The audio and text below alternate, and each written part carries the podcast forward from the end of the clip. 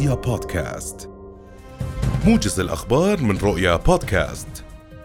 أكد تقرير لصندوق النقد الدولي أن الحكومة الأردنية أحرزت مزيدا من التقدم في سياسة توسيع القاعدة الضريبية وتحسين الامتثال الضريبي لمكافحة التهرب الضريبي. ووفق تقرير مراجعة الأداء السادسة من برنامج الأردن فإن الحكومة أدخلت نظام الفوترة الإلكترونية لتعزيز مراقبة الأنشطة الاقتصادية موضحا أنها غطت قرابة 60% من جميع المعاملات الخاضعة لضريبة المبيعات على السلع والخدمات لنهاية نيسان الماضي. وبين التقرير أن الحكومة تسعى لتوسيع التغطية إلى 90% من جميع المعاملات الخاضعة لضريبة المبيعات بحلول نهاية العام 2023 أكدت وزارة الطاقة والثروة المعدنية إطلاق ثلاثة مشاريع استكشاف للعناصر الأرضية النادرة والتي يقدر الاحتياط الأولي منها بخمسة ملايين طن. وقالت الوزارة إنها أطلقت العديد من المشاريع للتنقيب عن الذهب في جبل مبارك والتنقيب عن خام الليثيوم في منطقة فينان والتي توجت بتوقيع مذكرات تفاهم مع شركات محلية ودولية في إطار جهودها لإعادة الزخم لقطاع التعدين في المملكة من خلال تنفيذ البرنامج الوطني للتعدين. تلقت وزارة العمل 6700 شكوى عمالية عبر منصة حماية للشكاوى العمالية على موقع الوزارة الإلكتروني في الأشهر الستة الأولى من العام الحالي.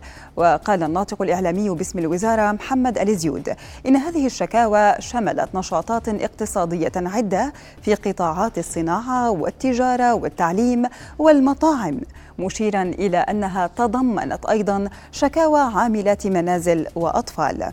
وبين أن معظم تلك الشكاوى تتركز في تأخر دفع الأجور ومخالفات أحكام قانون العمل وأن الوزارة تتعامل مع كل شكوى على حدة لإجراء اللازم وحسب الأصول بالتواصل مع الأطراف.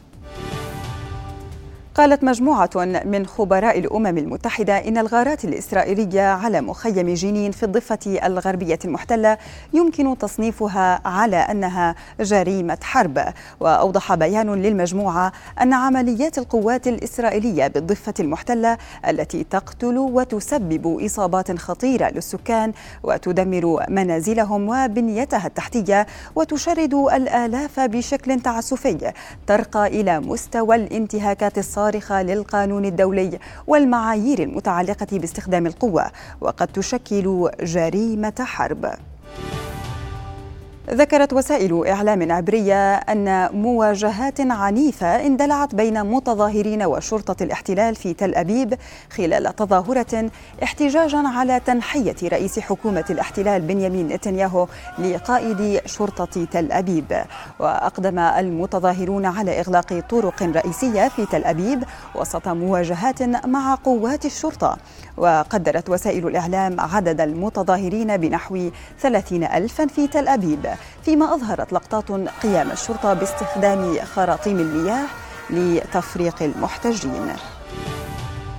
دعت أوكرانيا المجتمع الدولي إلى اتخاذ إجراءات فورية لمواجهة الأخطار المحدقة بمحطة زاباروجيا النووية التي تسيطر عليها القوات الروسية والتي تتبادل كييف وموسكو الاتهامات بالتحضير لعمل استفزازي فيها. وقالت وزارة الخارجية الأوكرانية إن نشر روسيا أفرادا عسكريين وتركيب تحصينات في ثلاثة مفاعلات على الأقل في محطة زاباروجيا النووية يهدد بشكل مباشر بوقوع حادث نووي وفق تعبيرها. بالمقابل حذر الكرملين من وقوع ما وصفه بعمل تخريبي أوكراني محتمل.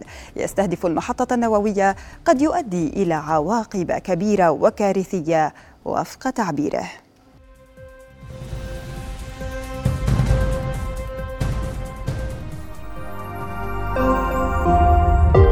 رؤيا بودكاست.